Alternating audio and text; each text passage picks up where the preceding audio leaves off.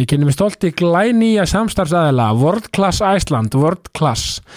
World Class, World Class, World Class. Þetta er náttúrulega bara World Class eins og maður segir. Ég er svo stoltur ánæður að fá þau með mér í liða því ég er einn blóðheitasti aðdándi World Class bara, veist, bara já, bara á Íslandi ef ekki bara heiminum, sko og ég er þar reglulega þið sjáu mig, eða vilja sjá mig svona annarkvæmt á mótnana eða í eftirmiddaginn, þá er ég mjög líklega á brettinu í, í, í lögum að hlaupa, já, af mér allt vit bara, sko. Er bara fullu þar og erum byrjaður í svona hlaupara liftingaprogrammi og já bara veist, engin betri staður í veldunni en að, en að, en að já, hlaupa og lifta og, og fara í tíma og bara veist, fara í spæð og já, gera allt sem já, hugurinn hugurinn listir í, í vörklass, það er bara svo lis vörklass, það er bara takk frá mér.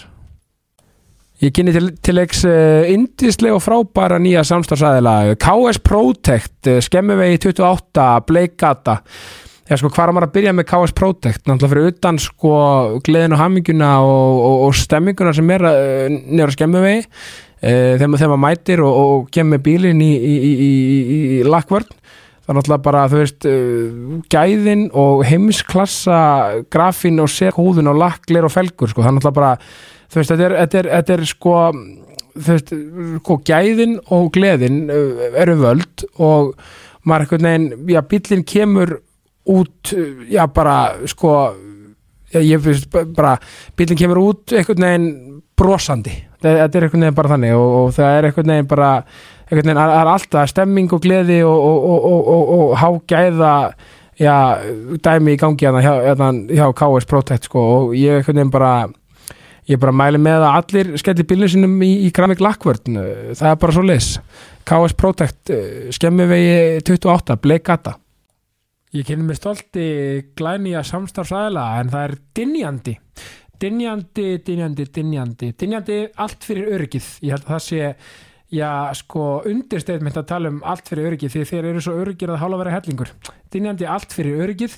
Já, þeir eru með náttúrulega bara, þú veist, allt frá þú veist, þeir eru með öryggisvörur vinnufatna, skó og stigvél, öryggisvörur fallvarnir, vélar og tæki háþristidælu, loftpressur já, rafstöðvar og bara alla græður, sko, þeir eru með, já, bara allt sem hún þart fyrir, já öryggi, það er uh, í dinjanda og bara, þú veist, verðum að hafa, já, öryggið í, í fyrrumi þegar verðum að, já, gera bara hvað sem er. Og, já, dinjandi bara græjar þig fyrir rauninni hvað sem er sem tengist öryggi og, og öðru slíku, þannig að bara allir að, já, tjekka á, á dinjanda Dinjandi er í skeifinni 3, 108 Reykjavík og bara, þú veist, ég menna, þeir taka alltaf vel og fallega móti, móti ykkur og eru bara algjöru snillingar Ég sitt hér í indisluðum samstarfi með Dirty Burger and Ribs. Dirty Burger, Dirty, Dirty, Dirty, miklu braut og austurstræti. Já, sko, þetta er sko, þetta er inn í tvíekasverð, sko.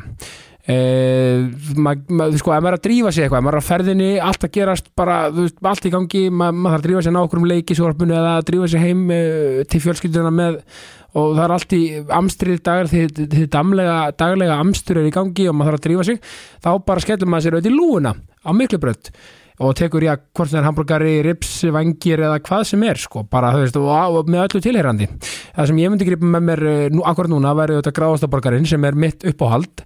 Og já, og, og, og að sjálfsögðu með öllu, öllu tilherrandi þannig að, og svo náttúrulega bara ef maður er já, í, í, í góðum gýr og í, í róleitunum, þá náttúrulega bara fer maður nýri austustrætti og bara fær sér sæti og upplifir alla stemminguna beint í æð en það er þetta náttúrulega það sem enginn er dörtibönguna rips er náttúrulega bara ástkærleikur stemming og gleði.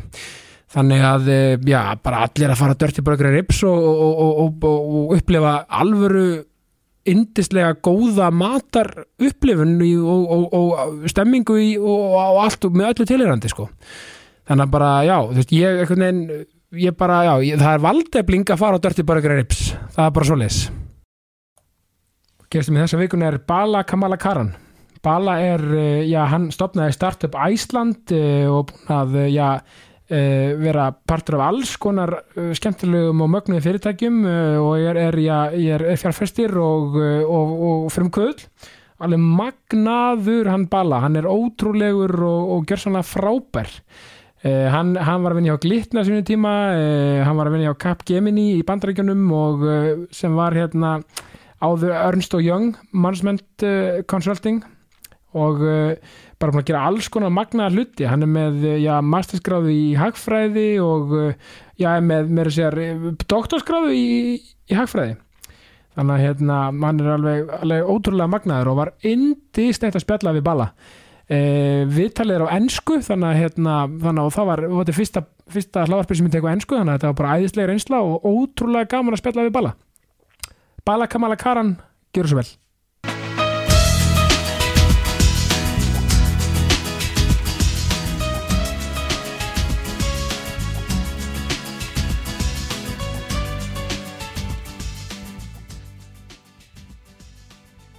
Bala Kamallakharan I said it right, yeah? Perfect. Perfect. Welcome to Jákastið or as we say in English, the Positive Podcast Show. Yeah. And the pleasure is obviously all mine. Uh, how do you reckon being on a podcast which has the description of positivity? Thanks for having me first, and uh, the pleasure is mine actually to be able to talk about uh, things that really are close to me. Yeah. And one of the first things that's close to me is about the positivity. Exactly. You know, um, if you go by the world as is, if you follow social media and you follow the media, you follow all those things, you feel like the world has come to an end, Yeah. right? because the negativity seems to always be on top, Right. although maybe it's maybe a small minority which is negative. That is true. Yeah. And of course, in the line of work that I'm in, which is uh, building something from nothing, Yeah. because that's what startups are. Exactly. Uh, usually, it is uh, it is an idea, Yeah. and when you are in the idea, so it is a creative process. When you are in the creative process, you can't think about the negative stuff Exactly. because unfortunately, it just doesn't work together. And so, to be called or invited to be in a positive podcast, Yeah. I feel like I think I've made it. Yeah. because because me too having you. Yeah, yeah yeah because like because yeah you, you- because you mentioned social media and maybe just the media in general. Um, the the the the talk is and the narrative on social media is kind of negative. Ex- uh, for example like on the X uh, yeah. uh, platform or Twitter, the old Twitter, um, you seem the algorithm seems to find find the negative uh, things, and and they have the most likes because if, if there was an article about us having a good and friendly podcast, no one would maybe click on the on the on the article. no and you know this is uh, you know Human nature. it is human nature actually to Yeah. be fair um, I think um, the most profound things about all technology is to realize that we are human. Yeah, and Important the, part. The, the human part is what drives all of these things. Yeah, yeah, the algorithms and the machines are only feeding off of what we do. Exactly. and you know uh, i mean I'm, I'm a student of the financial markets and there. The, the the truth is you know the if you look at the stock market 98% of the time it's going up Yeah, the 2% that it's not that's what causes everybody to talk about the stock market. Yeah, exactly. right? 98% of the time nothing really happens. Things are just going along fine. Yeah, um, but the 2%, the crash and the doom, those are the ones that cause the biggest headlines. yeah, And, and the reason for that is, you know, coming back to the human anthropology, we obviously weigh losses heavily yeah. than wins. Yeah, exactly, and th- th- this is the, the the important lesson in sports, for example, because you can illuminate sports to to everything in life, actually. Yeah, exactly. And because I'm a huge soccer or football fan, and I always you, eliminate you, you like see me wearing the Iceland cricket, Exactly. cricket hat, so there you yeah, go. the- yeah, exactly, uh, and uh, and you know, I think Michael Jordan said it's the it's the losses and the shot he didn't he, uh, put put through yeah, that he remembers the most. Yeah. in this maybe the best sportsman ever. yes. So it's it, this is uh, really interesting, actually. This is how our brain is wired, Yeah, right? yeah. Because it's wired to survive. Yeah, So in the olden days when we used to live in the jungle, yeah, a mistake could cost your life. yeah. And your, You- and your families. and your families and your village. Yeah. Pretty much. You could get totally wiped out. Yeah. So obviously, it's wired into our brain that making even the slightest mistake would be the death of you. Exactly, and performance anxiety is really common. Maybe at maybe more so. Maybe in, in this time and age, like where where everything is uh, kind of monitored and and uh, showable, Not visi- only, visible, yeah, not only monitored, but I also think it is kind of magnified. magnified. Exactly, yeah, that's the Right. word. Yeah, um, because I was um, uh, scrolling through my Twitter feed, and apparently, uh, I don't know. I'm sure everybody knows in Twitter, there was this one lady who got crazy on an airplane yeah, and and walked out, and she actually, you know, used profanity and whatnot, and Yeah. you know, she thought that something was wrong. yeah, Uh, some person sitting next to her, he had a mask on or something, and he- she thought that he was not real, he was not human, and her reaction kind of went the viral stream. But when you think about it, it's not the end of the world, really. no, Uh, yeah, she got scared, she got worried, whatever may that be. She walked out of the plane by her own, you know, will and Yeah. and, and got out. But that video captured in video form is going to haunt her yeah, forever. forever Yeah. and ever. So we have kind of, although we have gone so far ahead in technology, we've kind of gone back Yeah, to kind how of. it was, right? Yeah. Like today, if you make a mistake in public, you can forget about it, right? That video is gonna live forever. yeah and i think it's it's um, it's uh, like for uh, again another example from for, from sports uh, because we're always talking about the Icelandic soccer league here. Yep. and we're always saying oh we need more atmosphere. We need more things going on around to have a better league and such so, so forth. Because going to a football match is just a it's an it's an um, you know it, it, it's a it's a day out you know. You It's an experience. it's an experience Yeah. yeah, and and and what i think is a problem people are afraid to maybe shout their team's name and and, and going maybe a little bit bananas in, in the stands in a good way you know because it'll be on social media we have a small community and everybody will be laughing at this person the next day Right. so people are afraid to show their emotions Right. I kind of feel that this is an opportunity for going non-social. yeah right? Like, for example, in order for you to actually have a great experience, have no social media present, yeah right? Uh, I mean, I was in the Vikingur Breiðablik game, Yeah. the the women's uh, Oh, the final, yeah. the final. Um, I mean, it was a fantastic game. Yeah. I was probably the only guy there who was not with the phone. and by the way, I was probably the only one who was really enjoying the game yeah because I, I I was not thinking about how what angle I should take this picture or how I should share with my friends. I was just there because I was really excited about how well the Vikingur team played. exactly And and, and and I think people are missing a big portion of the world by trying to capture this memory. and it goes the, all the way around so you were probably the only person who were, was actually who actually remembers the game That might be true. yeah, that no, might no be true. because because it, it's like it's uh, a you're you're trying to catch the moment, but you're not in the moment. You're then you can't catch the you're not in moment. moment. You're you're you're you're um, um, wrongly thinking by capturing the moment. You're capturing it forever, Exactly. but it is not in your mind. Exactly. You're not seeing it through your eyes. and for what? You know, Yeah. like for, for for for Facebook for a few hours, That's about it. fifteen likes, and that's it. That's it. so I'm I'm uh, as I said I'm I'm um, I mean I do obviously take pictures, Yeah. do all those things on social media, but not to the point where I that's all I do. Yeah, and I think because we have a lot of influencers influencers in this small country of ours, Mhm. and all, obviously all over the world. Um, I think I think it's kind of hard being an influencer. You're always connected. You're always online. You're always trying to think of something clever to do. I think it's kind of tiring. Yeah. No, I I also think I'm not. But I'm I respect so- it. Yeah, I'm, I'm, I'm- I'm, I'm not so sure that we are wired for that. No, I think I don't think so. There are there are like for example, I also you know I teach in Reykjavik University on entrepreneurship and Yeah. startups and all that. And the first lecture is that I discourage people, all my students, from becoming an entrepreneur. yeah, I tell them don't start a startup. Yeah.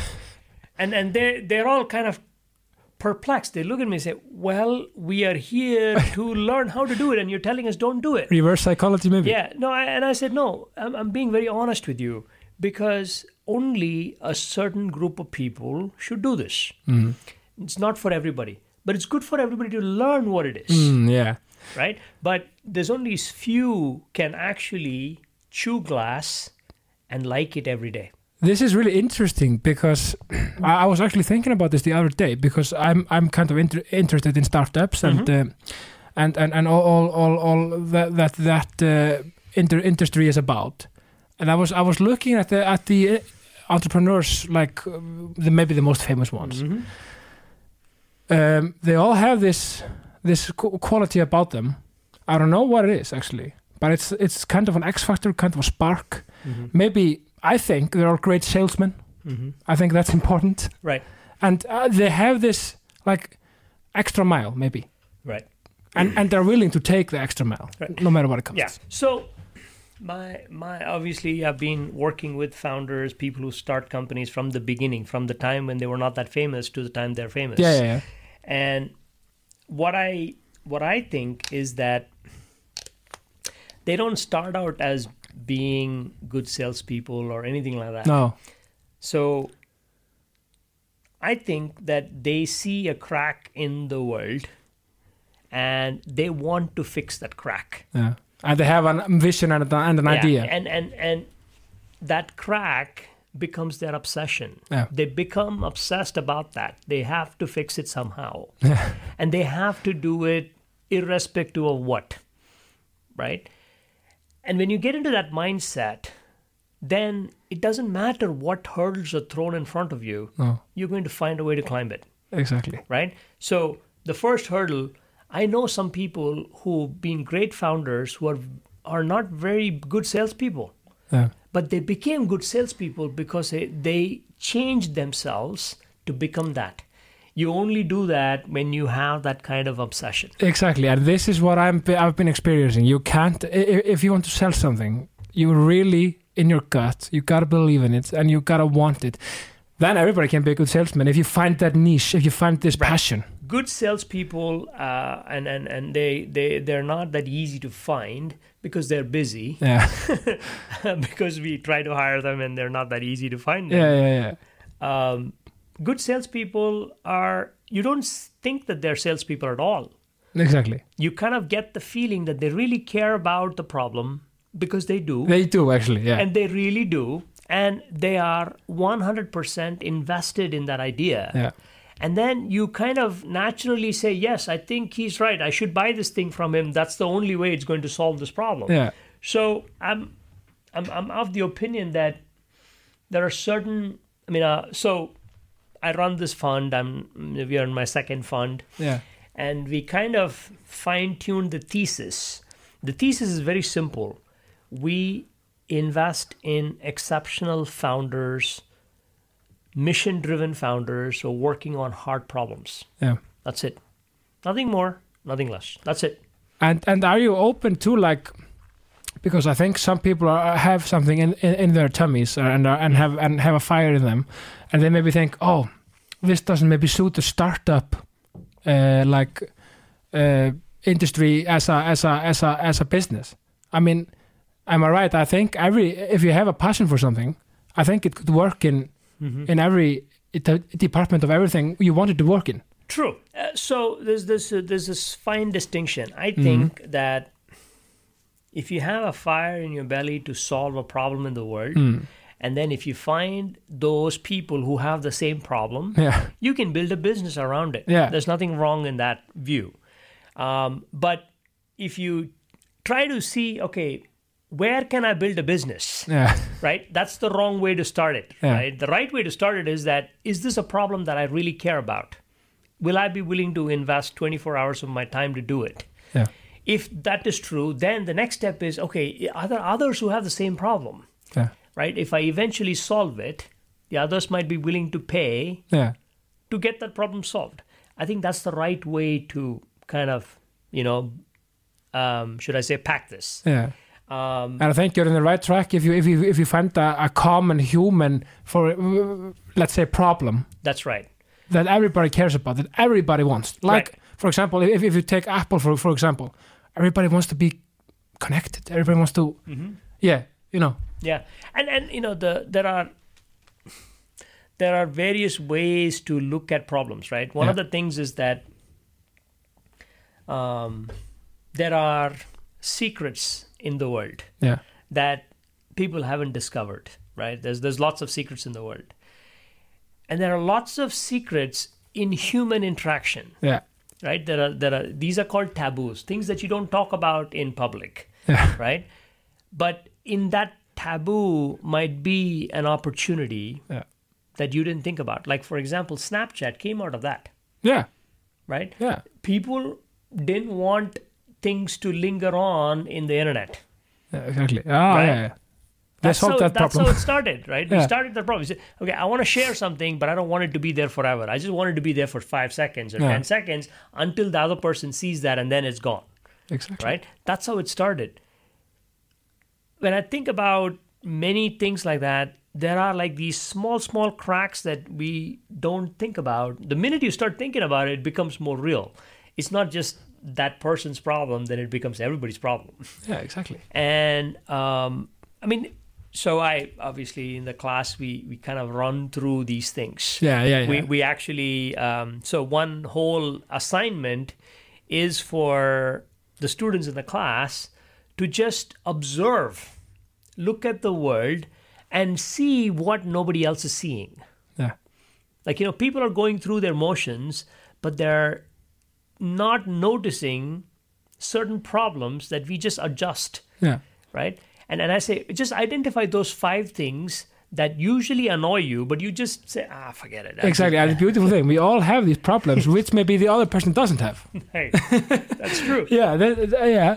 Because I think in the because I'm always telling and saying in this podcast, I'm always saying there are no limits to our talents. There are no limits to our greatness, um, and we don't have to be afraid to at like every age or every moment in life. You know, every every landmark, every everything. You don't.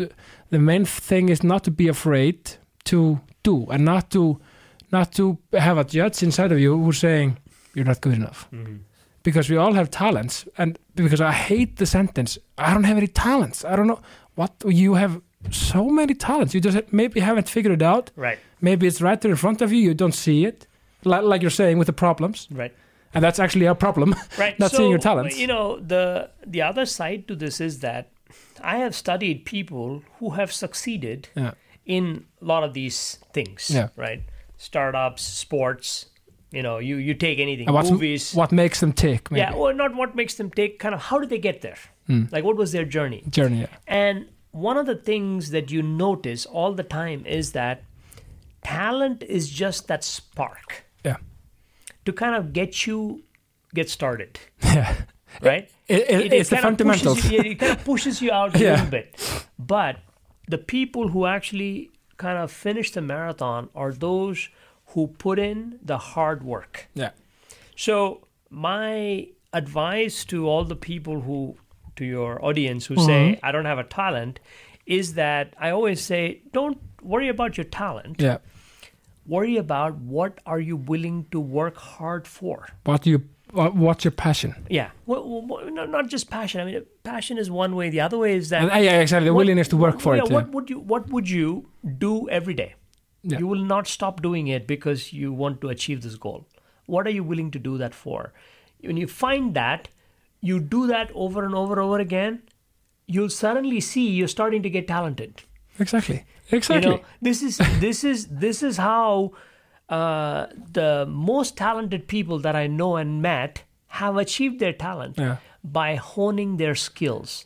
Uh, there's like this. Um, I think he's a is a violinist. Yeah He was 92 years old and he practices every day. And on the 90 and his 92nd birthday, people asked him on his birthday, said, "Did you practice today?" And he said, "Yeah, I practiced today. I feel like I'm making some improvements." Yeah.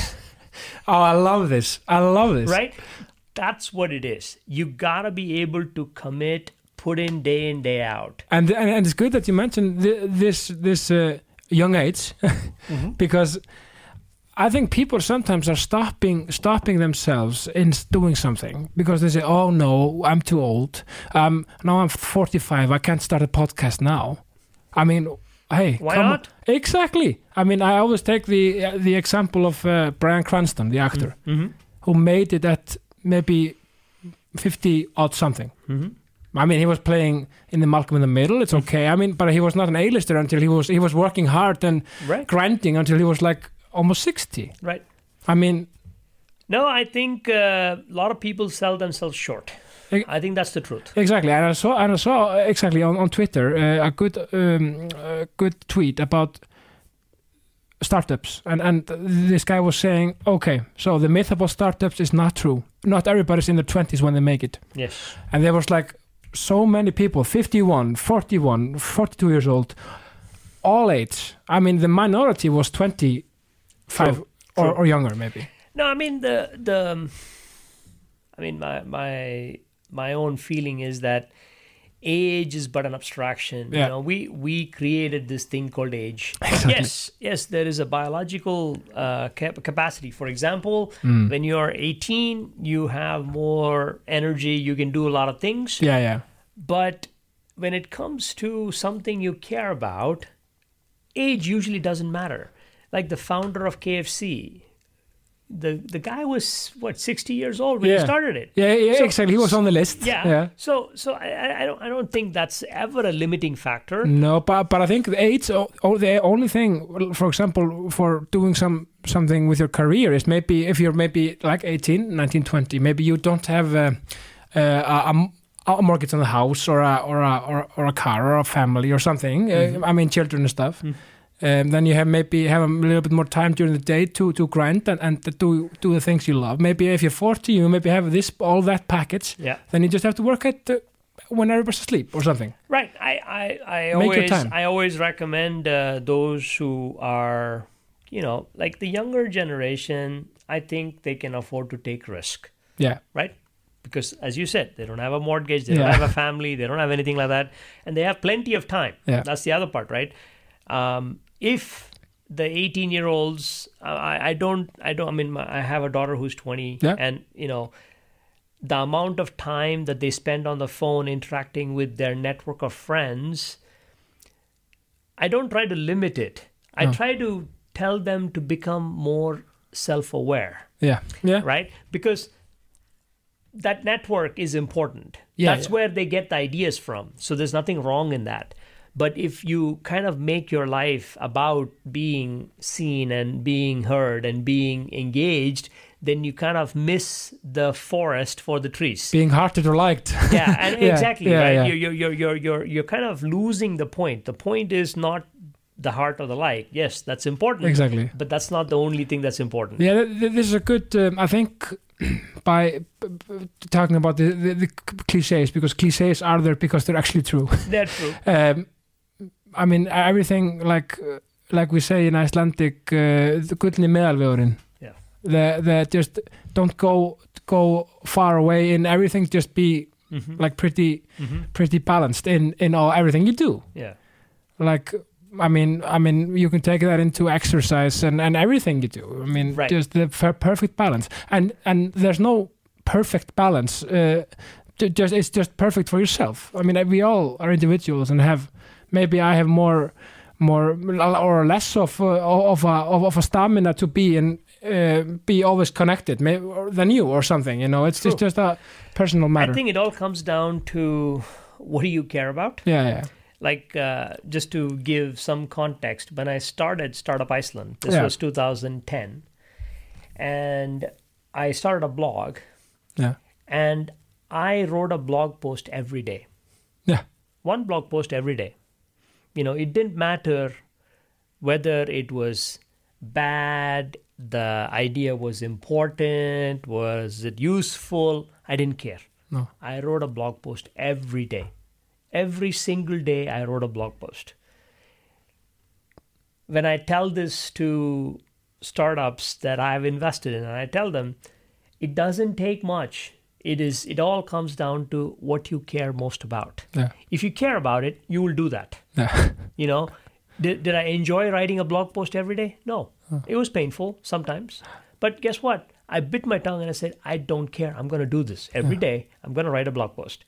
And the same thing I did when I started. So I moved, and then, you know, just going back to the backstory, Yeah, yeah. I moved to Iceland in 2006. Yeah. I, um, there's a long story on how I uh, even uh, came here. Yeah. Uh, but Please I, do tell. yeah. I mean, uh, so, so obviously, my wife was Icelandic. Yeah. Um, and we met in Baton Rouge, Louisiana. Okay. So, was- so you're studying or? I was studying Yeah. there. I, I went there to do my PhD in economics, and my wife at that time, uh, my girlfriend, Yeah. Augusta, was studying her master's in marketing. So both of us were in the business school, and her uh, her roommate was my office mate, Philip, a German. Okay. So that's how we met. yeah. And uh, again, we dated. We got married in 2001. Both of us got very good jobs. I used I worked for Ernst and Young in the management consulting group, and then I also worked for Deloitte in the in the internal audit. And we moved to Houston, Texas, and you know everything was great. We bought our first house. Uh, our daughter, first daughter, was born there. Nice living in America. Yeah, it was great Yeah. to live there. I mean, I lived in Texas, and by the way, for all the people who um, who only see America through media, Exactly. I can say that it is not the real America.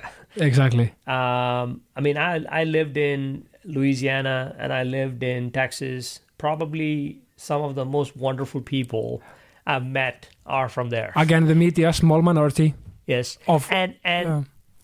caring people who uh, really give, who actually would go above and beyond whatever that they're capable of to help their neighbor. Yeah, and they make a lot about about like community, the community having a good community. Yeah. Yes, Yeah. absolutely. And uh, I mean, I went to school there. I mean, I was um, I I was gonna go to the U.S.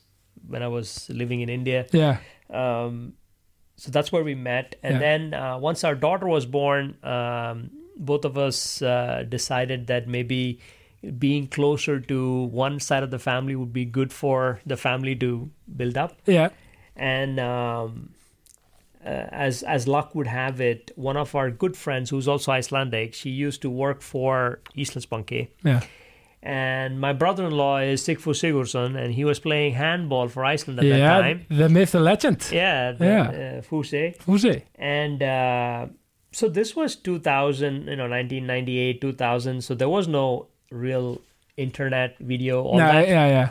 So Augusta would always tell me about handball. And I was like, well, what is this handball thing Yeah. that she keeps talking about? Because I've heard about it, I've never seen it played. Oh. So she literally had to get videotapes to show me. And and by the way, this is how old VHS. I am. VHS tapes. You know, we would get it mailed, and she would show me all the games. Oh, this is so romantic to hear this now because everything is so easy now. Yeah, it's so easy, but uh, that, that's time you, you had to have patience. So, Yeah, yeah, yeah. so um, I met uh, Sigfús uh, in 2000. I came Yeah. to Iceland for the first time, and I mean uh, this is something is is is um, is interesting because I think for people who live in Iceland, this might be very new. When I came in the year 2000, I was probably the only colored guy here Yeah. Almost. And I would walk on the streets and people would stare Yeah. because they've never seen anybody like Yeah. me. They're like, what? Who is this guy? Yeah. And that was very strange for me because I was like, what are they staring at? What did I do? I've never done anything.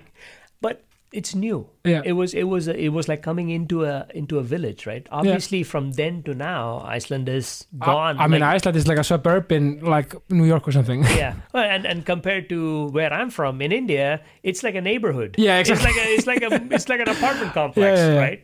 So, so it was it was so weird. And then um, Augusta uh, and I got married 2000. Daughter was born, and then um, Sigfus was uh, Iceland qualified to play in the Athens Olympics Yeah, 2004. 2004. Yeah.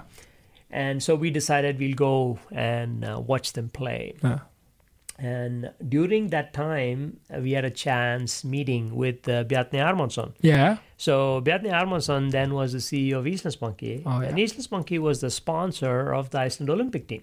Ah, so he yeah. was there in the. So we met in uh, one of the you know counselor general in Greece. Yeah. In their house, there was a party, and I met uh, Bjarni. We kind of hit it off. He Yeah. liked. Uh, he liked my background, and uh, our friend Steinen, who used to work at Íslandsbanki, she introduced me, and she was really pushing for me to join Íslandsbanki because she knew that we wanted to move to Iceland. Awesome.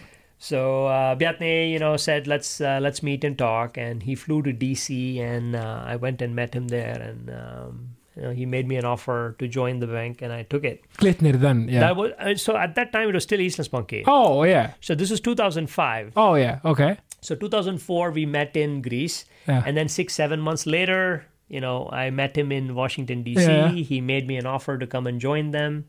So it was still Íslandsbanki. They were going through this name transition, all Oh, of yeah. that. And uh, one of the one of the things that he was trying to interview me on was to see how I would fit into all of this because he basically said, you know, in Iceland we are starting to become an international bank.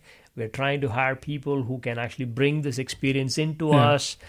And and I said, well, you know, I, I was working for Ernst Young, which was acquired by Capgemini. So Yeah. I've gone through this transition as name change and all of that was And happening. PhD in economics and Yeah, everything. yeah. I, I, I was had a PhD in economics, but I also was um, implementing really big projects, like you know, Yeah. for Fortune 500 companies like Toyota, Okay. Oh, nice. Hewlett Packard. They were all my clients, Swiss Re, and um, my my background was in bringing technology into business and making business better. Okay. And uh, Bjarni was like interested to learn how we could do that within the bank Yeah. because we were going through this transition. There was, a cle- this was a clever move by him because because this uh, I can imagine at this time, uh, like you say, this was really new for uh, the Icelandic companies. Yes, Yeah. very new for Icelandic companies. And so he hired me, and I was reporting directly to his office. Like Yeah. I was reporting to the CEO's office. So I, I didn't have any direct, uh, you know, managers. No, yeah, He was my manager. Um, and he basically made me kind of like an internal consultant. So he hired me and said, You report to me, and your job is to go to every business unit in the bank and help them get better. yeah, exactly. so he said, Go. And, all right, sounds good. Let's go. and, and, Evan, that's, that's, that's all my instruction was. He said, yeah, So you go to each of these businesses and get them to do better. yeah, And I was like, Okay. so I. Ah, great. You know, so I started there. So that was 2006. Yeah, Um, and of course, uh, you know, if we go back in time, 2006 was a very interesting year. The Yeah. first six months was great. Then we hit this mini crisis, funding crisis, and Bjarni was on every newspaper, every uh, media outlet telling the story about Iceland. yeah, Uh, so it was uh, fantastic uh, for me to learn. I was like learning from a fire hose. and Iceland was the, the talk of the town. I mean, it was like really, uh, it just blew up. everybody was talking about you know the miracle that was happening in Iceland and and then um, as part of that um, I was appointed I mean 2007 I took a first group to India Yeah, to showcase the opportunities for us in India and I pitched the idea that we should start an office in India yeah. to uh, For- to expand the bank For yeah, for, For the bank. Yeah, for for, Glitnir, Yeah, yeah, and uh, so while we were going through this, you know, um, the shareholders and everything changed, and Bjarni wanted to leave, and Lárus came over. yeah. And I had great relationship with both the CEOs. Uh, I met with Lárus. I told him what we were planning to do, and Lárus was uh, very supportive. He said, "Yep, you should go do this. I'm very excited about India because he lived in London and he Yeah. had relationship uh, with some businesses that had business in India." yeah. So, um, so 2007, 2008 May, I moved to uh, not May. Uh, was it June maybe? Yeah, May was the first trip we went to find apartment, move all those Yeah. you know family and everything, and then we moved uh, August I think. Yeah, we moved August 2008 to Mumbai. To Mumbai. Okay, awesome. and then uh, of course we all know what happened October 2008. Yeah. You know, two months in. God bless Iceland. Yeah, everything everything collapsed. Yeah. Uh, so I actually, so I it's a very funny story. So September 30th, I was actually I had taken one of uh, our clients um, to you know all the bu- business opportunities in India, and then I was actually presenting our India operations to a large customer out in in Norway. Okay. At the same time, in Oslo, Lárus was there yeah. and Lárus and I, you know, both of us are going to the airport. I was flying back to India, and he was flying back to Iceland. And uh, Laura said, "Why don't you come with me? I have the I have a taxi already ordered, so we'll just share a cab." I said, "Fine." So we sat together and we just started. I was updating him about everything that was going on, and he was very quiet during the whole conversation. And then the only last things he told me before I got out is that, "Just don't make any commitments yet." Yeah. yeah. I was like, not making any commitments. No. So I actually, when I went to India, I kind of looked at it as a startup. Yeah. Yeah. I basically said, I'm starting a business from scratch. Yeah. I mean, it was kind of like that. It was like that. Yeah. Although we had a bank, we had all the resources. I basically said, I'm starting a business from scratch. So let's, you know, build it up from ground up. and I mean, I think you had to. I I mean, you had to think it like that. I think. Absolutely. Yeah. You had to. And uh, So, so did some startup spark there? Maybe.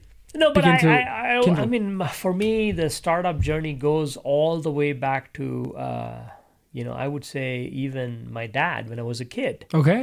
because my dad was an entrepreneur. He started his own company Okay. and he had his own factory and he built his own business. And um, the only thing that I learned when I was a kid was he he didn't go to school. No. He he he was self-taught. Everything was self-taught by him. He he actually had an engineering. He was like an engineer. Okay. He could break any problem. He could do anything. He was a technocrat. Yeah. And, uh, Technocrat is not, a, not a Yeah. not a entrepreneur, but a not a bureaucrat, but a technocrat. Yeah. He, he understood technology. So um, and he was in the advertising business. He actually had like these neon signboards. He used to make them Okay. for display, and Nice. so so I, I used to go with him for sales calls, and I I, I- I learned a lot of Learned my lot, yeah. early entrepreneurial skills from there. And the one thing that always kept bugging me was that my dad, although he was an entrepreneur, we never made a lot of money. Yeah. Yeah. Yeah. Ex- ex- exactly. It, it was it was you know it was so so much struggle. He struggled his entire life, Yeah. and I really didn't understand that. And then I saw all the successful rich people were all entrepreneurs, Yeah. and I was like, what is he not doing right? Yeah. Yeah. Like, Yeah. What are these people doing Yeah. right? So obviously, economics, all that, Yeah. that it led me to think more about this. And one of the things that I realized was that my dad was trying to do it on his own. Oh. That's the wrong way. The right way is to build a community around it. Exactly. So- I, I think many people do this. They, Yeah. they want to to sit on everything alone, maybe. Right. So, idea. I mean, although you know uh, the startup community in Iceland, you know, I, I played my role in that. If anything, the most valuable thing that I did without knowing is that I said there is no way a startup is going to become a unicorn in Iceland unless we build a vibrant community here. Yeah. If there is no community to support founders, founders will not succeed. They will fail. Exactly. It doesn't matter how good they are. It doesn't matter how much money they raise. They will fail. if they if everybody's in their in their own corner and Yeah, exactly. it- yeah. So this I I saw because when I invested in Clara in Yeah. 2010. Yeah, and that's a that's a the first uh, company to go to Silicon Valley. Yeah, That's right. yeah, The first company to be acquired by a Silicon Valley company yeah, in the thousand year history of Iceland. You kind of scratch your head and say, "How lucky should I be?" That was my first investment. really. Yeah. Oh, And as I said, it's not luck. It's basically I, I thought that Gunne should be in the valley because what we were building yeah, was for game companies, and all the game companies were in Silicon Valley. I was like, it makes no, sense. brainer. You just go there, right? Just and and and he bought a one way ticket, went to Silicon Valley. and hasn't returned maybe. Well, he did. Yeah. he returned eventually. Um, I mean, uh, and now he's got his own startup, and he's Awesome. raised and and, and and and and raised a lot of money and, and doing doing great. Um, but when when Clara's news got out in Iceland, Yeah, so this was 2010. Yeah. So know. yeah. So this was so so in between, uh, when you when when the the bank adventure was over, that was in what 2000? Uh, just when the when, So, yeah, when the collapse. 2008 collapse happened, Yeah. and So- then 2009 I went and wound down some of those things. Yeah. So from 2009 to like 2010, Yeah. I, I had like a year. I was working with the Skilanefnd Oh yeah. Oh as, yeah. yeah. as a as a you know. So there was a bunch of things that was happening in Asia that we had invested in Yeah. through our clients. So I was asked to recover some of it. yeah. Um, while I was with the Skilanefnd, I really, I just didn't feel. I was kind of like fish out of the water Yeah. because I'm used to building businesses. Yeah. And what I was noticing within the Skilanefnd and what was going on was that suddenly, you know, there was some good people and then there was some bad people and we had to do investigations. And I was like, hold on, we all were sitting in the same office. How come you guys are all good and these guys are all bad?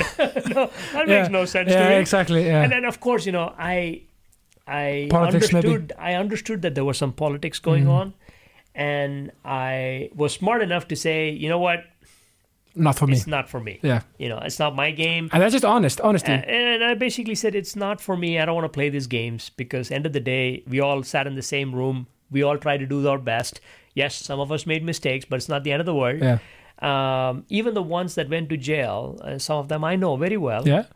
Um, they were actually trying to save the bank Yeah. From their perspective. Exactly, and and, and because every story has um, has a has a two way street, Yeah. as we say. And, and and by the way, the the the laws, the security laws Mhm. in Iceland were not as well defined. Mm, yeah, So there were a lot of gray areas. yeah, So- bec- because this hasn't actually been tested before. That's right. and there was a lot of gray areas, but I'm not trying to justify No, obviously, no, uh, no. anybody who broke the law. All No. I'm saying is that it is very hard to judge somebody for their decisions without walking in their own shoes. right? Exactly. It's it's easy to judge, right? It's easy to The point the, finger easiest and say, thing- "Hey, you did this." Easiest thing in the world. But if you put yourself in that shoes, what would you do differently? Also, maybe if the law are in a gray area, you know, like maybe ifs and buts and all that, you can't have ifs and buts in, in, in when when it comes to law. Right. I mean, obviously, it has to be it has to be Concrete. and, and, and i think you know uh, i think we we um i think iceland got out okay Yeah, I- yeah. i would say that I I think it's going good now. Right least. absolutely Yeah. and um when when the collapse happened and i had some time and then you know i i i started reading about because i'm an economist that's what i trained to do Yeah. i was looking Economist at, at heart. at heart Yeah, and i started asking the question why did this happen to iceland yeah, right? Why did this collapse happen? And then I bumped into a lot of work by uh, Nassim Nick uh, Taleb. I don't know if you know about No, Nassim no. Taleb. He's the author of the book Black Swan Okay. and uh, Fooled by Randomness Okay. and yeah, yeah. Anti Fragility and so on and so forth. And Nassim Taleb used to be an options trader in Credit Suisse, like in, in Wall Street. Okay, so it And completely so. So, so he, he basically, you know, he saw the world very clearly from he's a quant. He basically Yeah. is a mathematician, and he learned from Mandelbrot, who was a mathematician, a Polish mathematician. And one of the things that is so obvious in finance Yeah. is that you see these collapses happen over and over and over again. You kind of scratch your head and say, why does this always happen? Like It- every every decade there is this collapse. Looks like a nature's law or something. Yeah, it's kind of like it's kind of like gravity. It just Yeah. you know you just have to wait for this collapse to happen. I, I- can remember the, the, the scene in Wolf of Wall Street where Matthew McConaughey is doing like it's the, Yeah, like exactly. like fairy dust. It all goes up. It all Yeah, goes up. exactly. yeah, And uh, so I was reading about it, and then I wrote a paper. It got published in the University of Iceland, and I actually showed that the Icelandic krona behaves very weirdly Hmm. Over a hundred year period. There were only four instances where the krona mattered, yeah. Okay. Yeah. just like a stock market, right? Yeah. It always keeps going up, Yeah. but those downfalls change the total structure. Yeah. And I wrote that paper, and what are the implications of that paper is that you know central banks and the governor and the decisions that they make. Yes, they matter, but they don't matter as much. Yeah. Exactly. To be honest, yes, yeah. it, it, yeah. it- yeah. Yeah. Yeah. I- you know, and and and, and, and, and you know, I'm I'm uh, maybe uh, saying something that is way above my pay grade, but I personally feel that the current high interest rate regime that the central bank is doing, Yeah. it really hurts the normal people more Yeah.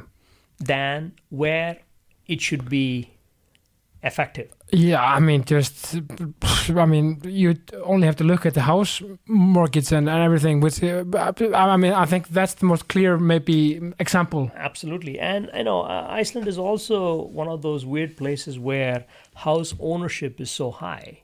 Exactly. Like if you look at the global, Hard to go on the global, market. global averages, Icelanders, like majority of us own our homes, like at least on paper. Yeah, yeah. The banks own it. We borrow from the banks to own it. Yeah. And I really do believe that the policy structure as we have it in a microeconomy like Iceland does not translate as well for the bigger economies. Yeah, Right? exactly. What the big economies do and what we do, can't be the same. At least that was the conclusion of the paper. Yeah, I basically said small economies just need to work differently Yeah. primarily because we are uh, you know if we were isolated and if we did not have any connections to the world then we can do whatever we want Clear cut example. I mean, my team Valur in Iceland is is is very differently run than Liverpool.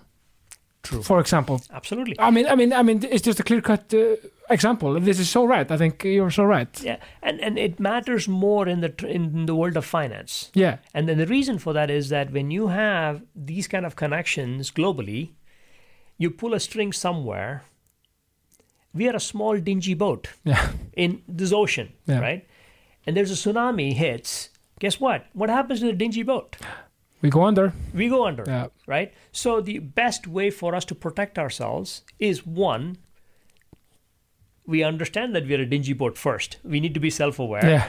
Then we need to make sure we don't have any holes. Yeah. Because even if we go under, we shouldn't let water leak in. No. Right? If you don't let water leak in, then you know you kind of somehow come up, and then eventually You have to make a submarine. you need to make like a submarine. so that's what we need to do. And I Yeah. basically had some suggestions on how to do that in the monetary Yeah. policy Yeah. and we kind of did that for some time until 2017 right we basically cut off the tail we basically had the krona the central bank basically said you cannot no we will determine what the buy and the sell price will be to be fair china still does that Yeah. you know china is what the third largest economy in the world Yeah. they still do that Yeah. Okay. Yeah. because it allows them because china is not evenly distributed No. right people think that ah, china is like a 5 trillion economy or whatever but if you go into china you see that there are certain places where they are extremely wealthy Yeah. and there are places where there are no toilets Yeah. The balance is really, really, really. Yeah. It's a. It's a. The balance is not right. Yeah. As we as we say. so so so in order to balance that they basically have put big walls yeah. not only on financial systems on social systems by the way why doesn't facebook twitter all that doesn't work within china because Yeah. they don't want to disrupt the social fabric inside Yeah. Exactly. right you only certain democratic countries can allow to do that Yeah. so um so anyway long story short i wrote that paper Yeah. i wanted That was to really good. i wanted to i didn't finish my phd in economics by the way i was i was recruited uh, before i could finish Ah. uh, into ernst and young so i enrolled in university of iceland to finish it Awesome.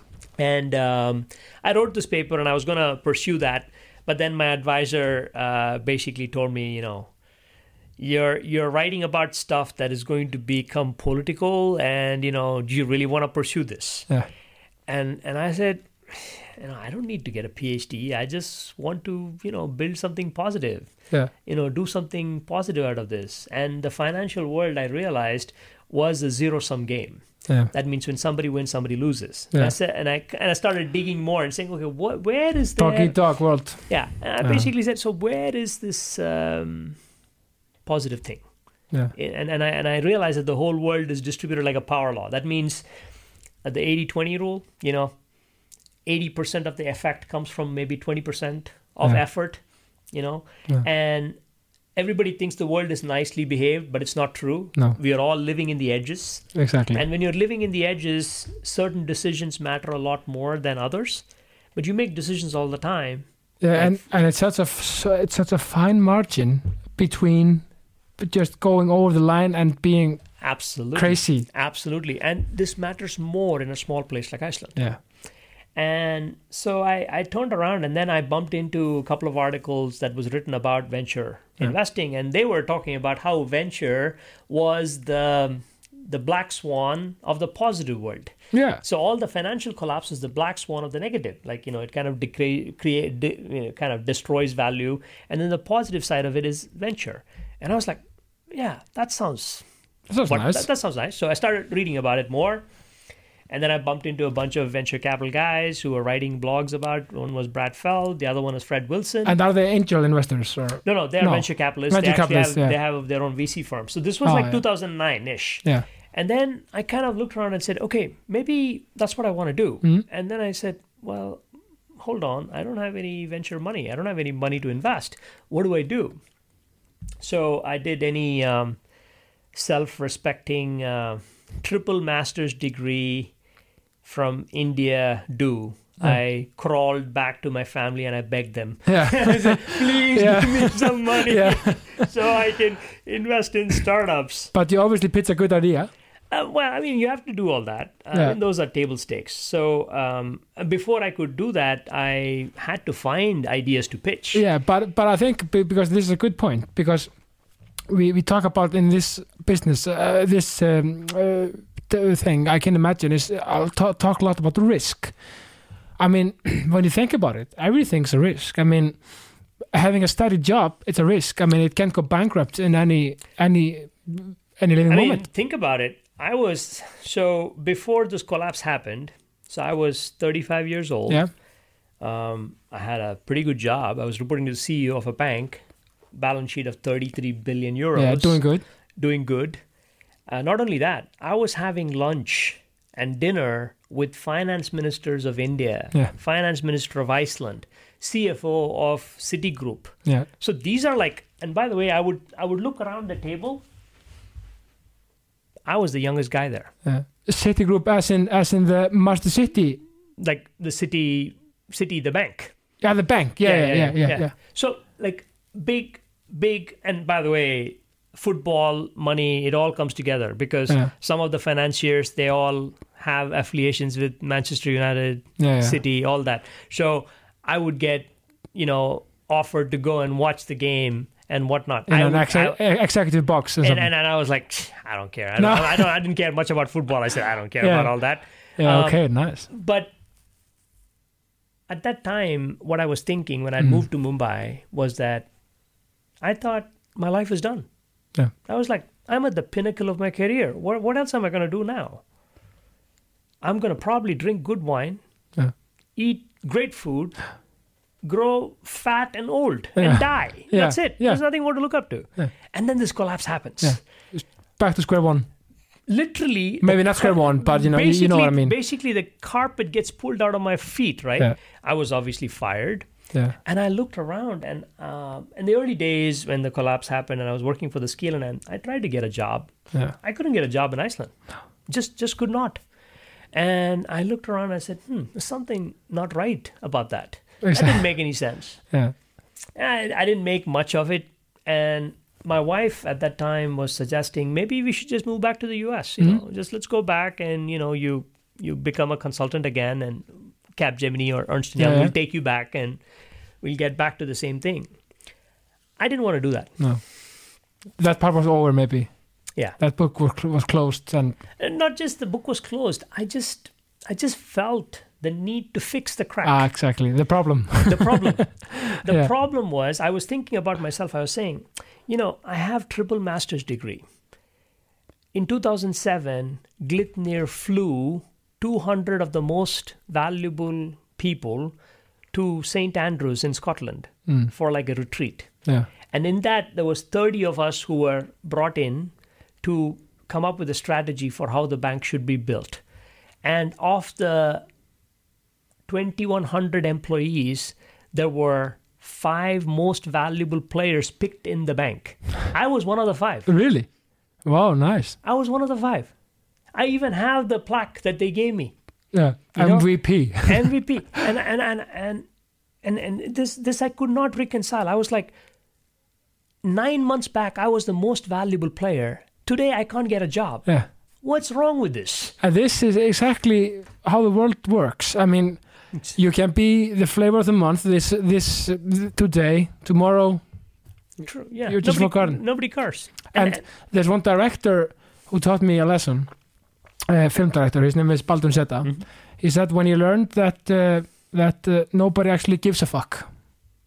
Sorry for my language. that's right. That that um, uh, that lecture was his most important one. Yeah. And you, you gotta you gotta you stand and fall by your own uh, values, and also like I think being a producer is really really similar to being in the in the um, uh, in the startup community. Absolutely. because actors they're always waiting for the call. Yeah. always waiting for the call. And I, I heard the podcast with Balti the director. He said I didn't want to be the guy who was always Waiting. waiting for the phone. I want to to have the idea produce it direct it maybe act in it also. Yeah. I mean this is the thing that makes me tick. This is I've I've learned in my now short I'm, I'm 30 Mhm. 31 uh, taking one year off uh, that I want to build something on my own Th- that's I, n- no disrespect to the 9 to 5 setup Mhm. fantastic but if you have that fire in your belly you have to Right. Do so, it. So I, I mean, I, I want to say that at that time when I saw this dissonance, yeah I got very curious. Yeah. Because I have never ever had to think this way.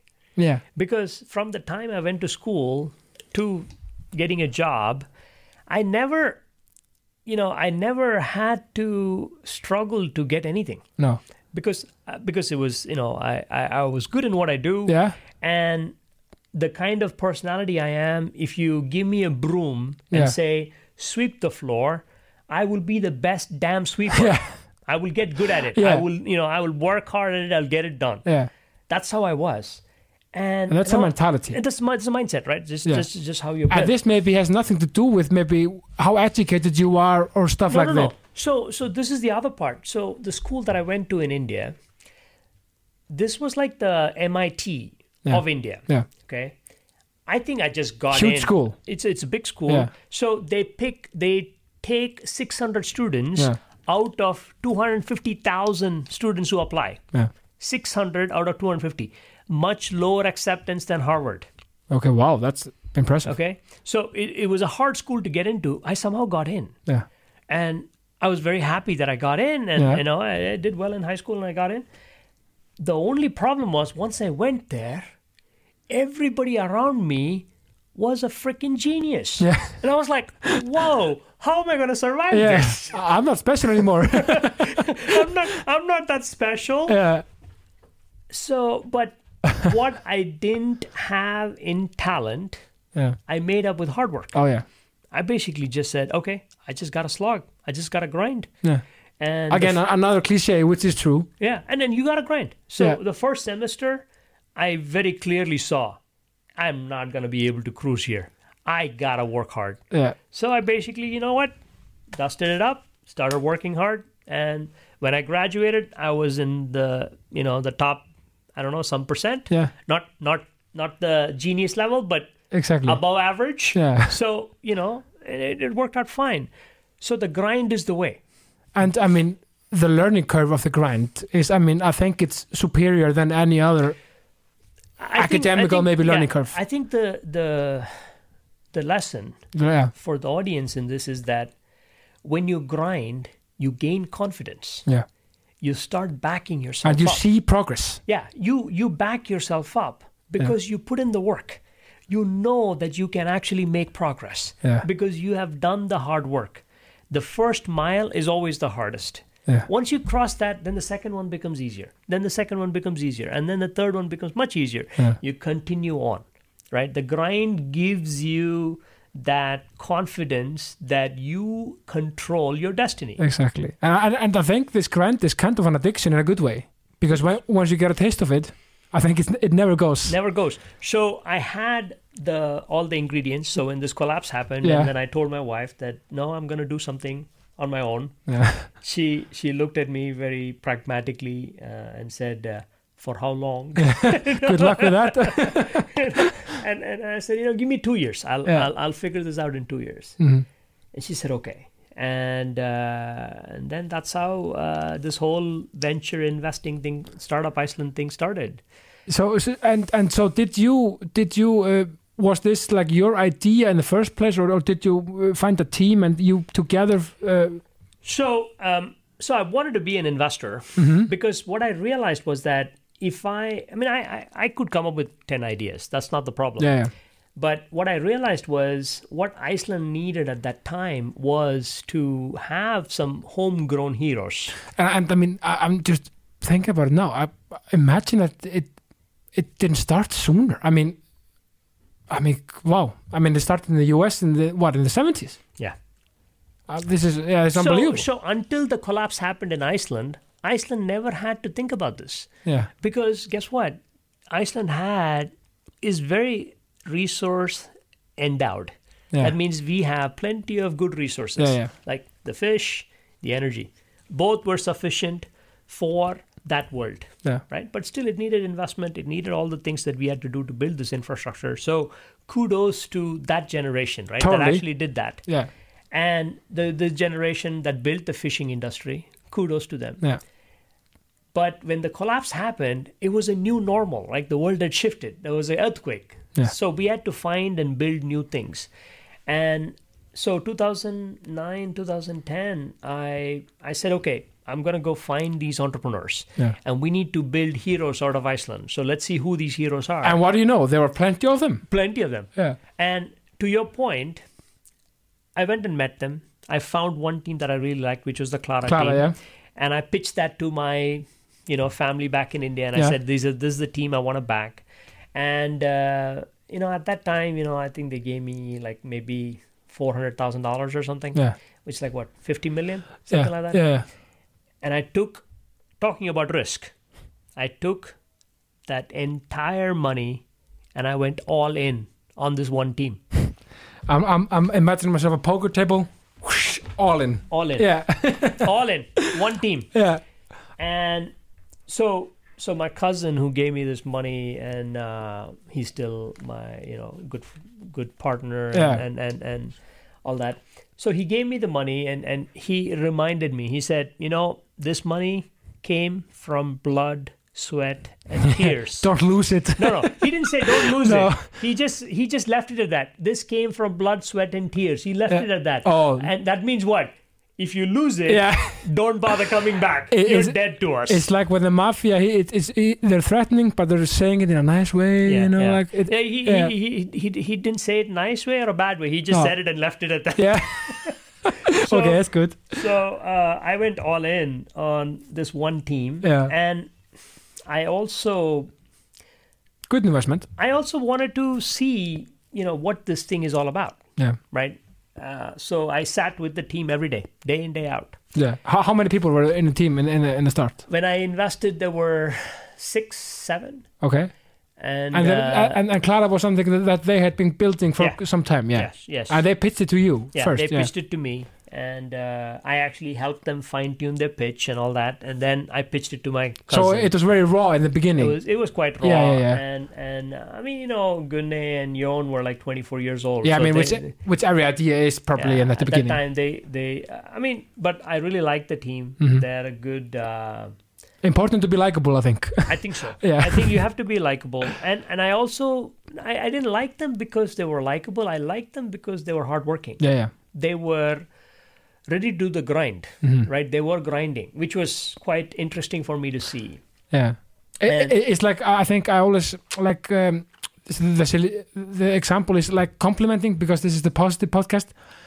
I mean, people always see through fake compliments. I mean, everything has to be from the heart. What you do, so you obviously you obviously saw something in them that you liked, like you say, and you saw the fire in the belly. Yeah. Oh yeah.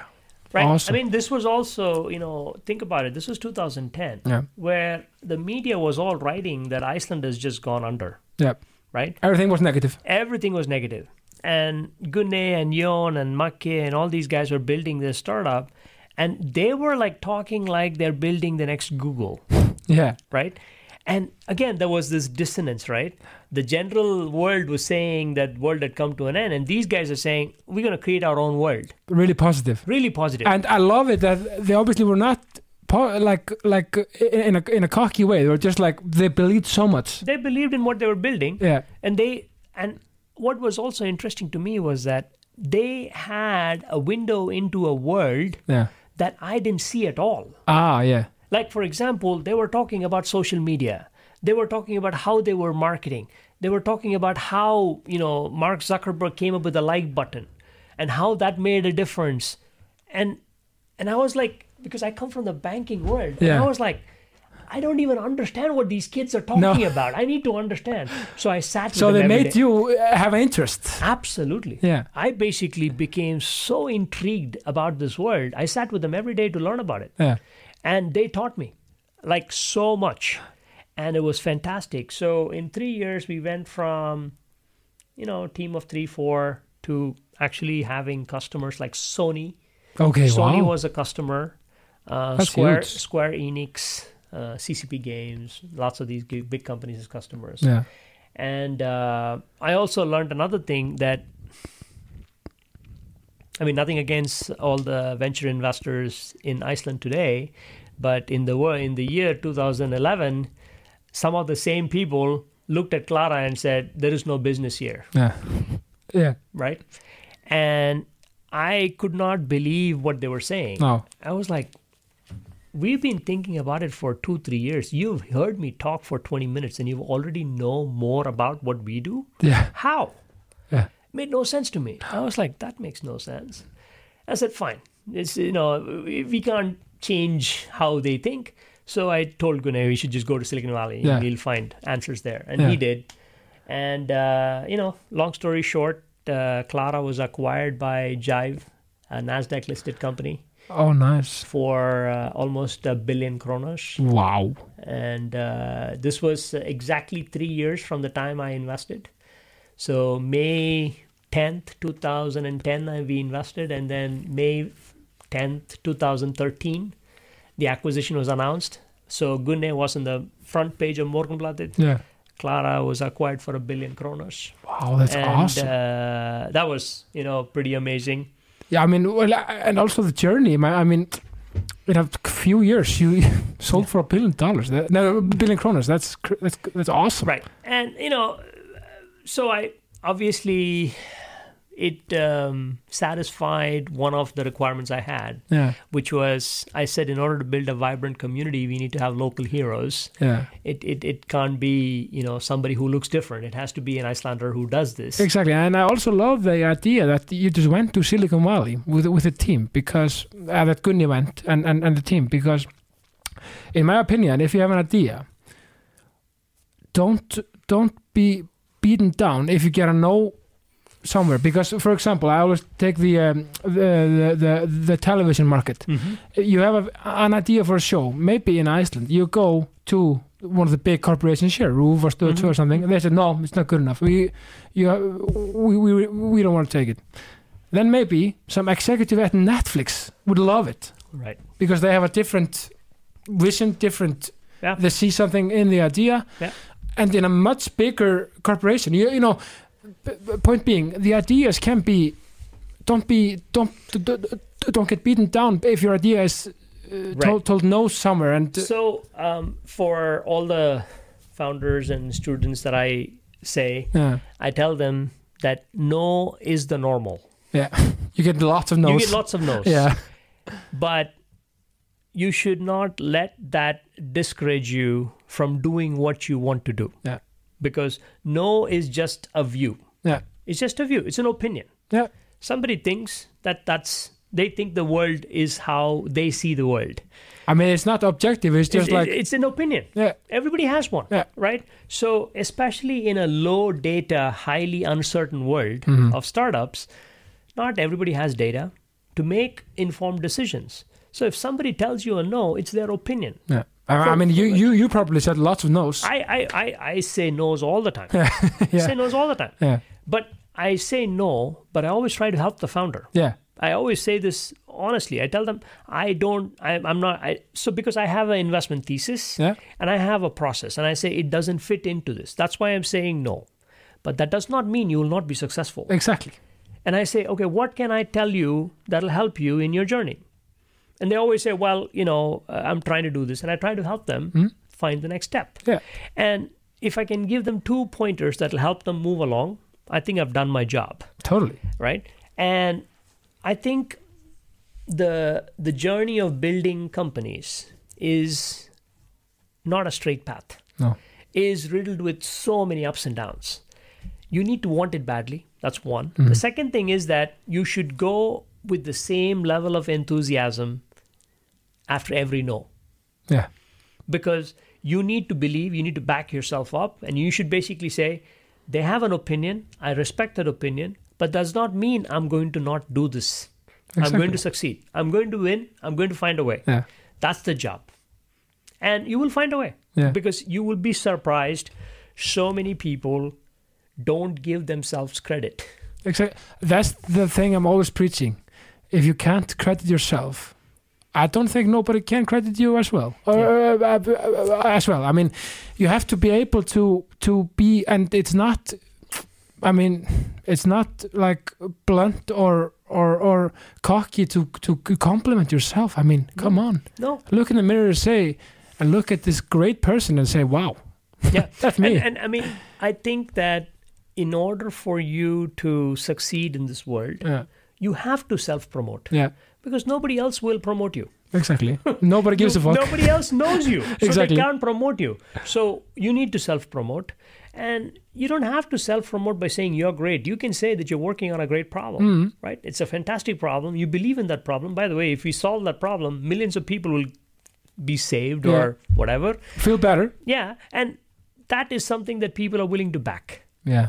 And that's how you build. And I think anybody can do it, but not everybody will go through the pain Yeah. And suffer. and suffer. Yeah. The easier way, and, and I tell everybody, uh, you know, who would listen, I say, entrepreneurship is not a job; No. it's a calling. Exactly. You have to look at it as a calling. And my wife, even today, looks at me and says, "When are you going to get a decent job?" You know?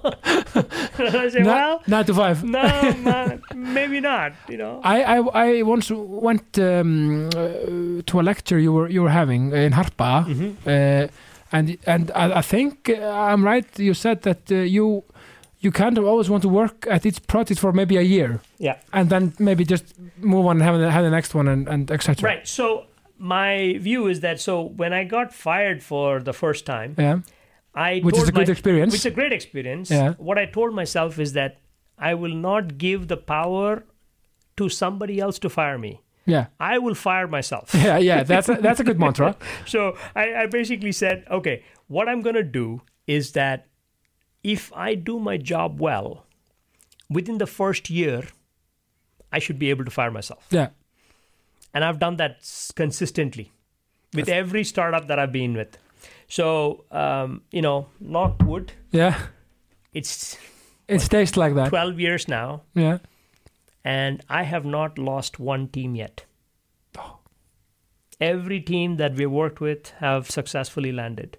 Great. And uh, either they got acquired, uh, gone on to become profitable. Yeah. So the first one was Clara, the second one was GreenQloud, the third one was Buuteeq, which is a US based company that was acquired by Priceline. Yeah. And then uh, the fourth one was Guide to Iceland, which Yeah. is now Travelshift. And Guide to Iceland is just And what was uh, uh, Dattaca Labs? That that was. so Dattaca Labs was a service business Oh, yeah? that we started when the GDPR came in. Yeah. So it was me and my partner Frere. Yeah. Uh, we started it together. And then as part of Dattaca Labs, we got this idea to do this fund. Yeah. And uh, and I started the fund. I raised the money. And it just so happened that Frere was interested in running the service business. I was interested in running the fund. So we just, you know, amicably split base and said, you run that, I run this.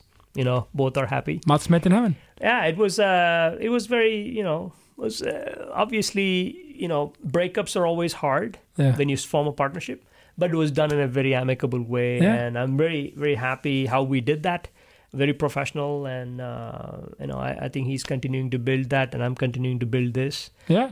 And uh, so we did that. Um, that led to the thesis that the fund now runs on. The first fund is done. The Yeah. second fund is, you know, we're we're going through a phase where we're getting a, a license from the FME and all that. So Yeah. all that is going on. Awesome. Uh, so it is a it's been a fantastic uh, journey so far working with founders yeah. and um, long may it continue? well uh, long may it continue but so there is a there is a pivot in the story Yeah. because I've done Startup Iceland for 10 years now. And I made a promise to do it for 10 years. That means I will Ah. I will be the the host and I will do the thing. Uh, this year was the 10th year and from this year I won't be running Startup Iceland. Okay.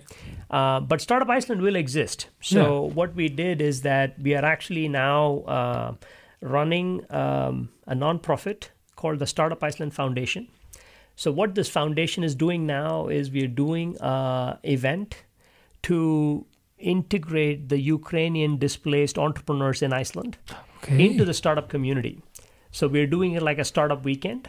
So that means, you know, you come and you ideate, and through the weekend, you build your startup. You kind of build uh, something, an MVP or a pitch deck or something, and then you pitch in front of a group of investors, kind of like a panel. Okay. And then we pick a winner. And the winners get to get three months of uh, workspace in the artist uh, house. okay. Nice. Yeah. So, and of course, mentoring, all that. So Yeah. we'll, we'll give all that. So it's not an accelerator, but it is kind of helping them get along the way of building something new. Yeah. Awesome. Uh, so we're doing that September 17th, the weekend of that. And uh, we already have, you know, a bunch of people engaged within this uh, Ukrainian community. Uh, we have over 30 people registered, and if anybody is interested, there, you know, you can register and you know get started on your idea. And we'll have a bunch of founders who actually gone through the journey to help and mentor, and it'll be action packed because it's only a weekend. So you'll be surprised how much work you can get done Yeah. within a compressed period of time when you have deadlines you know? So so that's the other thing that i've also noticed with people who want to do this and they always postpone it. So if you're that kind of person a good way would be to join one of these events. Yeah. because what it does is that it puts a square bracket around you. You have to build something and you have to build it and produce it and create it. And a weekend is more than enough time really Yeah. Awesome. This is this is so great. So so I gotta also ask uh, because I know uh, your love of cricket. yes You uh, the cricket community in Iceland is growing. Yeah. It's grown quite uh, rapidly, Yeah. to say the least, and it's also because of uh, kind of like a startup idea. Yeah. Um, I'm the chair of the Iceland Cricket Association. We now have five clubs. Uh, So you have a league. we have a league. Oh. Uh, we conduct four tournaments, and um we actually went to Estonia to participate uh, with the Iceland national team.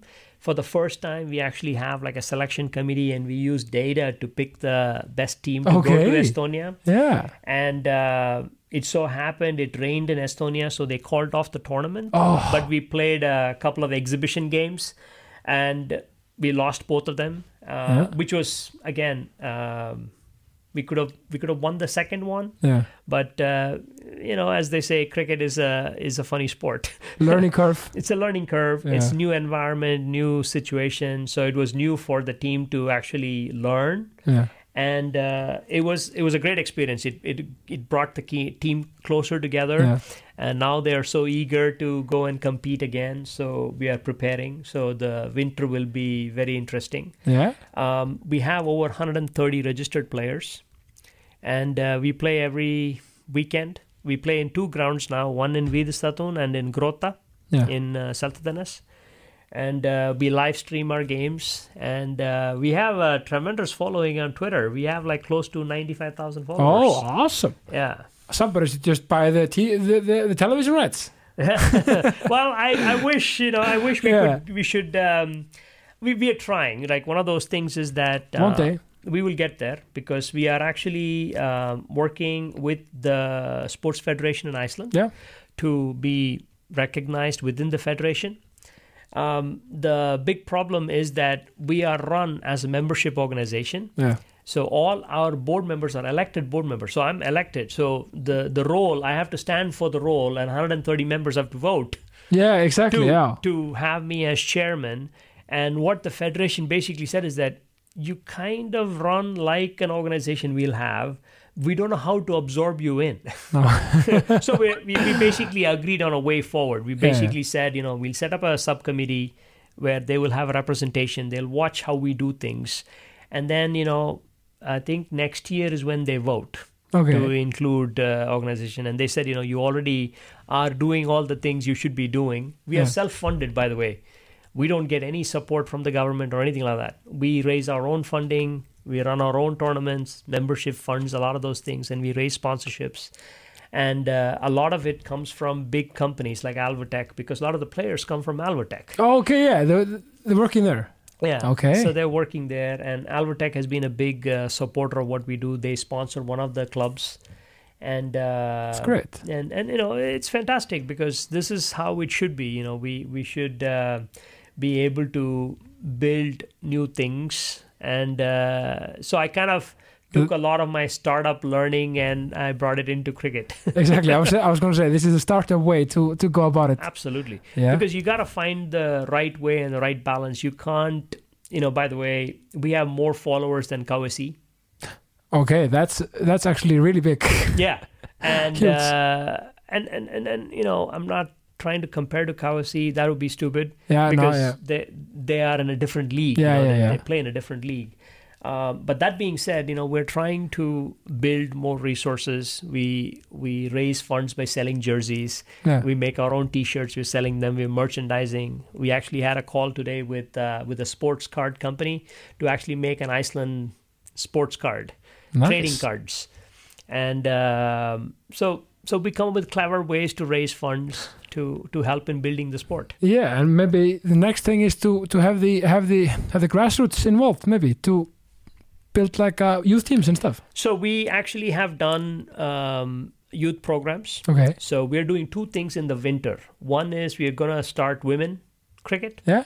So in cricket, you know, the skill to hit the ball and bowl the ball takes years to build. Yeah. That's not easy. No. But what is easy is fitness Yeah. and fielding, like catching the ball and throwing Yeah. the ball. Yeah. So what we're going to do is that we're going to start there. yeah. And uh, I've kind of taken a lot of those different ways to learn into how to build the sport. So traditionally, what everybody would do is they give them a bat and a ball. That's the wrong way to do it. Yeah. We say, let's get you good in fitness. Yeah. And we have two women board members now, and both of them have told us, you know what, in the winter months, that's when a boot camp would be great. We'll recruit members for you because Yeah. fitness everybody wants to work on Yeah. so so women cricket we are good we are talking to maybe two schools to actually get the kids involved and we're also talking to clubs you know one of the things that we're trying to do is to get cricket offered within clubs so we can recruit uh, members you know like kids into the program That would be great because I think I think uh, cricket has a lot. Uh, lot I, I would would have a lot of followers in Iceland if, if, if it would be like involved in the in, in the clubs as you say and yeah. I mean you know I, I think we do i think we can do better in the sense that we have 130 members right? Yeah. and each member might have like five people that they can bring in. Yeah. So like that's like 500 people right? Yeah. when you have 500 people you can basically build anything yeah yeah. right? So I, I i don't i think we can do better with our own members and all that. So we're trying to do that. I mean I mean it's good to have a have a high ceiling. Yeah. And and we're going to do that. I'm not worried about it. And uh, i tell this to my students you know if you want to change the world Mhm. do it through a startup I think uh, I think that this final words couldn't be better. If you want to change change the world, do it through a startup because everything can be done as a startup. I think. Yeah. This is, this is so good, and I have to I have to because uh, uh, in in uh, because I have a few sponsors. I have a perfect day for you.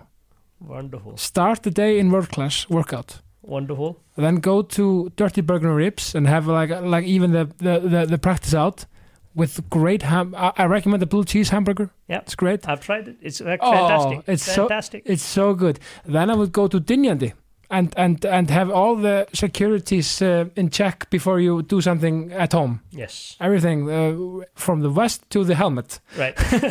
and then go to your car and have it uh, uh, just have it perfectly have it perfectly shining yes. through KS Protect. Wonderful. So this is uh, these are my my sponsors, and I'm so grateful for them. And uh, so to finish it off, just um a little more empowerment Yeah. to the listeners to to have uh, for their for their for the rest of their day. Uh, I mean, the the simple advice is that if you want to change the world, you do it through a startup. Yeah, And I wish a lot of the things that I say could be in Icelandic. yeah. Oh, this is And, and- so good English. so so I, I, I basically took my own advice. I said, I have lived in Iceland for 16 years. Why have I not gotten the confidence to speak in Icelandic? Mm.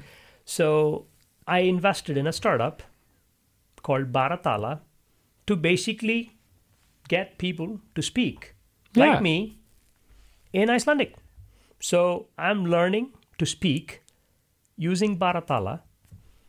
So the next podcast, maybe I'll do it in Icelandic. Part 2 in Icelandic. Part two in Icelandic. So we- we'll say our goodbyes in Icelandic. Bala, takk hella fyrir komin í jákastið. Takk fyrir koma. Mín er öll bara ánægjan og ég segi bara eins og alltaf ást og friður. Takk fyrir. Takk fyrir mig.